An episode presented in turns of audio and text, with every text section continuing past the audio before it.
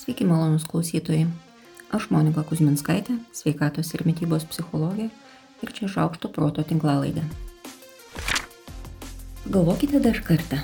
Taip vadinasi Adamo Granto knyga. Kaip svarbu žinoti, ko nežinai. Išmokti yra lengva, o štai atmokti, sako autorius, išmokti kitaip negu mokėjom, reikalauja drąsos peržengti komforto zonos ribą.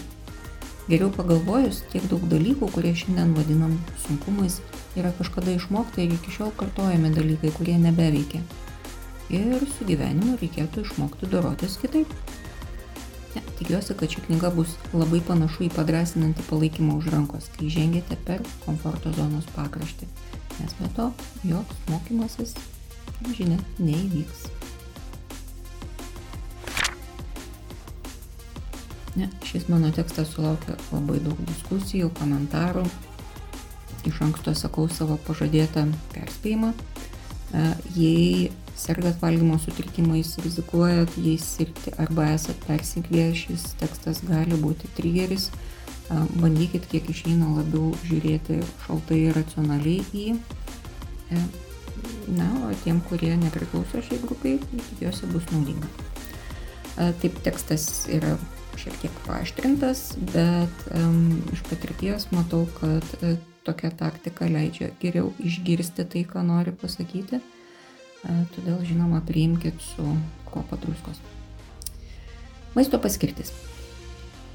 Keliuose paskutiniuose pokalbiuose vis kartau tą patį, kol pati neišgirdau, jog tai svarbu. Maistą vartojant pagal paskirtį, paprastai nebūna jokių problemų nei su svoriu, nei su sveikata nepainiojant maisto priežasčių ir maisto pasiekmių, nenumojant ranką į tai, kad maistu sprendžiame visai ne tas priežastis, kurias maistas gali išspręsti.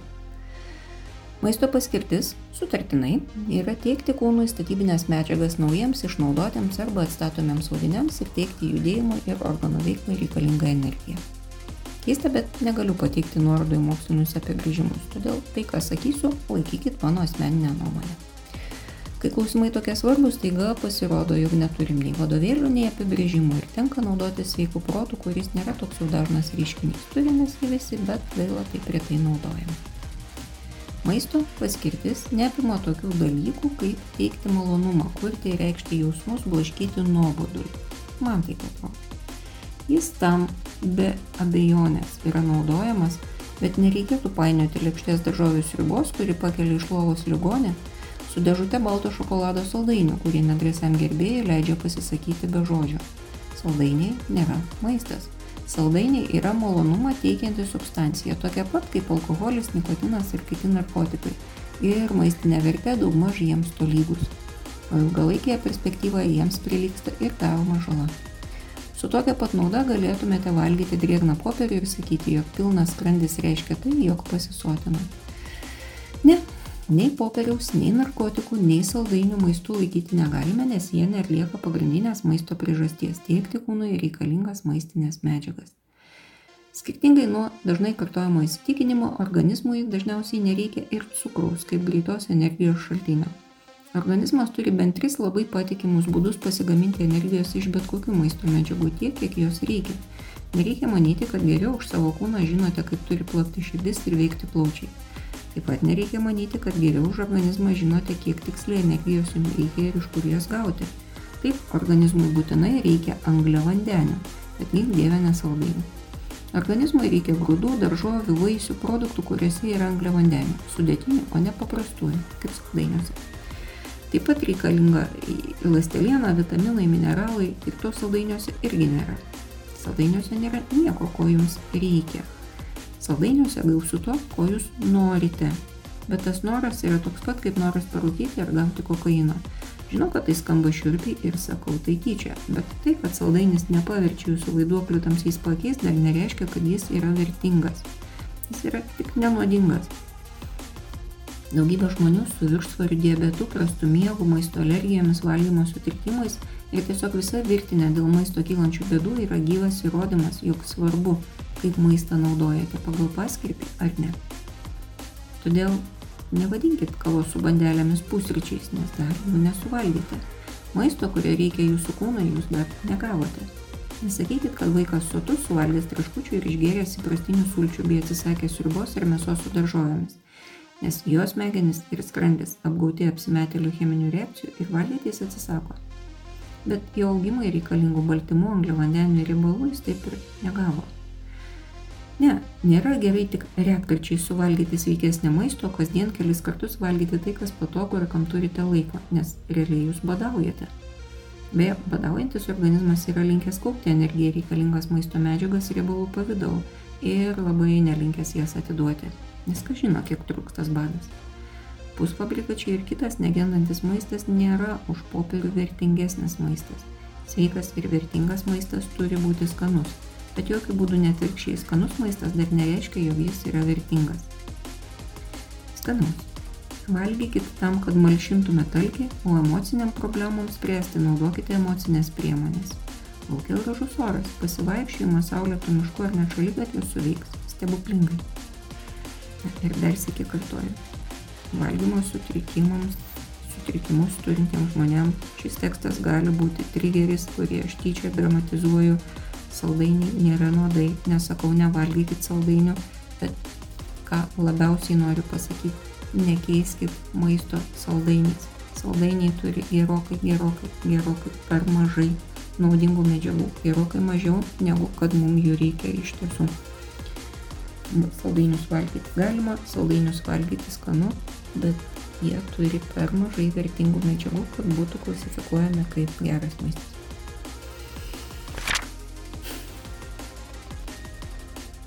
Pakutenkim dar vieną mitą kad skirtingas maistas sukuria skirtingą sotumo jausmą. Tyrimo dalyviams buvo pasiūlyti standartiniai pusryčiai ir vienas iš kokteilių, kuriame daug angliavandenių, daug riebalų arba daug baltymų. Viena iš trijų rūšių.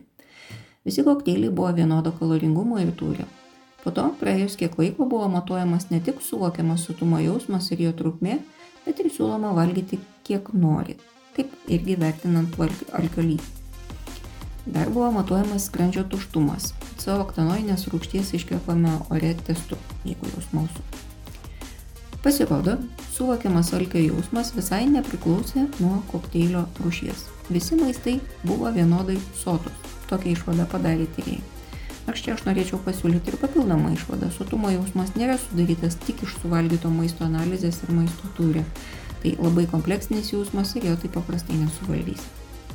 Beje, buvo pastebėtas ir reikšmingas skirtumas. Vyresnių dalyvių grupėje skrandis ištuštėdavo greičiau. Čia jau visai juokaudama pridursiu. Labiau patyręs skrandis matyt greičiau dirba.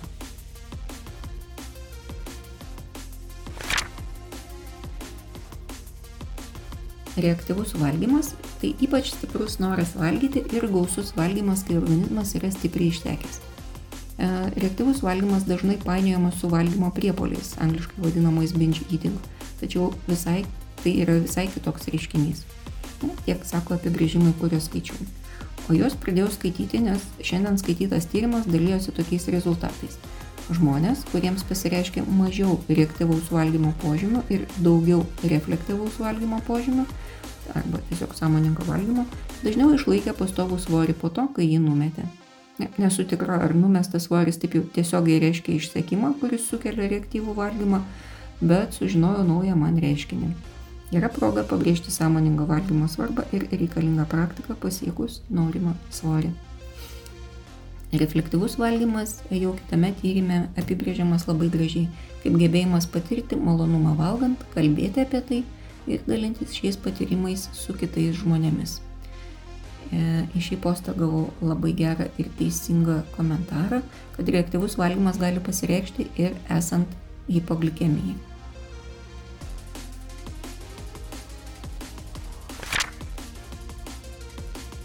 Šio tyrimo autoriai patikrino, kaip gali būti susijęs reguliarus fizinis aktyvumas, valgymo elgesys ir prieraišumo stilius. Dėmesio buvo skirta tiems dalyviams, kurie pasižymėjo taip vadinamą priklausomybę nuo sporto. Nerimastingo prieraišumo stiliumi pasižyminti žmonės buvo gerokai labiau susirūpinę savo kūno išvaizdą ir dažniau pasižymėjo valgymo sutrikimams būdingais simptomais. Vengiančio prieraišumo stiliaus žmonės gerokai dažniau ėmėsi įvairių fizinio aktyvumo formų, kaip kūno svorio ir emocijų reguliavimo praktikų. Be to, tai darė labai intensyviai. Vadinasi, jie buvo labiau linkę į priklausomybę nuo sporto. Prieraišumas kaip reiškinys iš esmės formuojasi ir yra ryškiausias vaikystėje, kai jaučiame šiltus jausmus mūsų globojantiems suaugusiems ir todėl patiriam saugumo jausmą. Saugus prieraišumas yra tai, ko mums reikia, tada pasitikim savimi, kitais ir ateitimi. Nerimastingas prieraišumas vystosi tada, kai tėvų dėmesio ir globos vaikui trūksta arba jį nepaklūsta nuspėjamoms taisyklėms. Užaugę tokie žmonės būna reiklus, kabo ant kaklo kabutėse, nuolat bijo nepatikti, būti atstumti ar palikti, gali tapti ko priklausomi, jautriai reaguoja į kritiką, nepasitikė savimi, jaučiasi neverti meilės ir nuolat reikalauja meilės įrodymų. Taip pat dažnai būna pavydus. Vengiantis prieraišumas vystosi, kai vaikas neranda globėjo savo aplinkoje ir į jo pastangas sukurti artimą ryšį niekas nereaguoja. Toks vaikas nerodo nei noro tyrinėti aplinką, nei stipriai išreikštų emocijų, kai globėjas pasitraukia ir grįžta. Tai nėra ramybės ir atsipalaidavimo ženklas, tai labai stiprus stresas. Tokiu atveju vaiko strategija yra stengtis likti pakankamai arti potencialaus globėjo, kad būtų saugus ir pakankamai toli, kad nebūtų dar kartą atstumtas. Panašiai žmonės elgesi ir suaugai, širdingai trokšta santykių, bet tik prieartėję prie ko nors pasijunta įkalinti ir stengiasi išsivaduoti.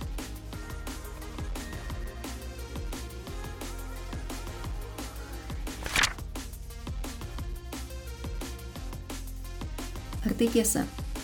Ar tai gera? Ar tai būtina? Taip raginama pagalvoti prieš pradedant kalbėti. Skamba gerai? Hmm, man irgi. Žinot, nuo kada mes žinom, kad tai yra gerai? Nei daug, nei mažai. Nuo Sokrato laikų. Yra ir dar. Budistai siūlo kalbėti tik tada, kai tai, ką ruošiatės pasakyti, yra laiku, teisinga, sakoma su meilė, atneša naudą ir sakoma geranoriškai. Kitaip tariant, tai yra teisingas kalbėjimas.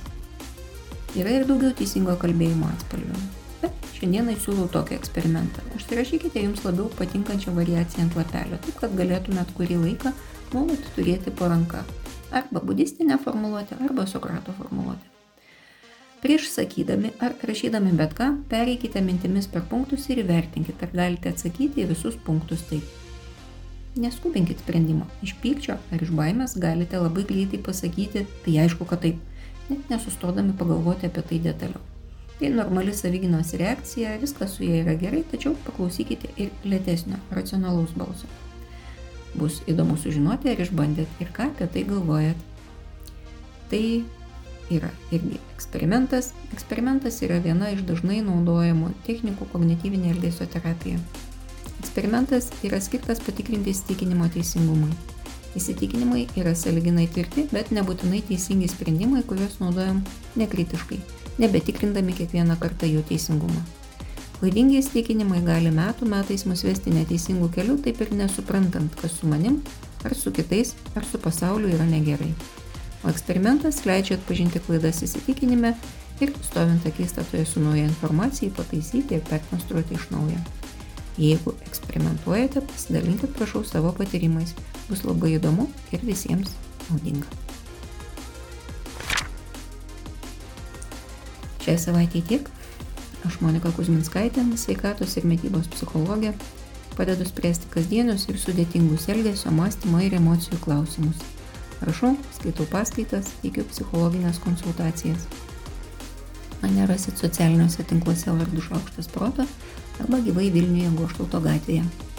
Rašykit man asmeninę žinutę socialiniuose tinkluose arba elektroniniu paštu adresu šaukštas.proto atgmail.com. Taikos ir ramybės.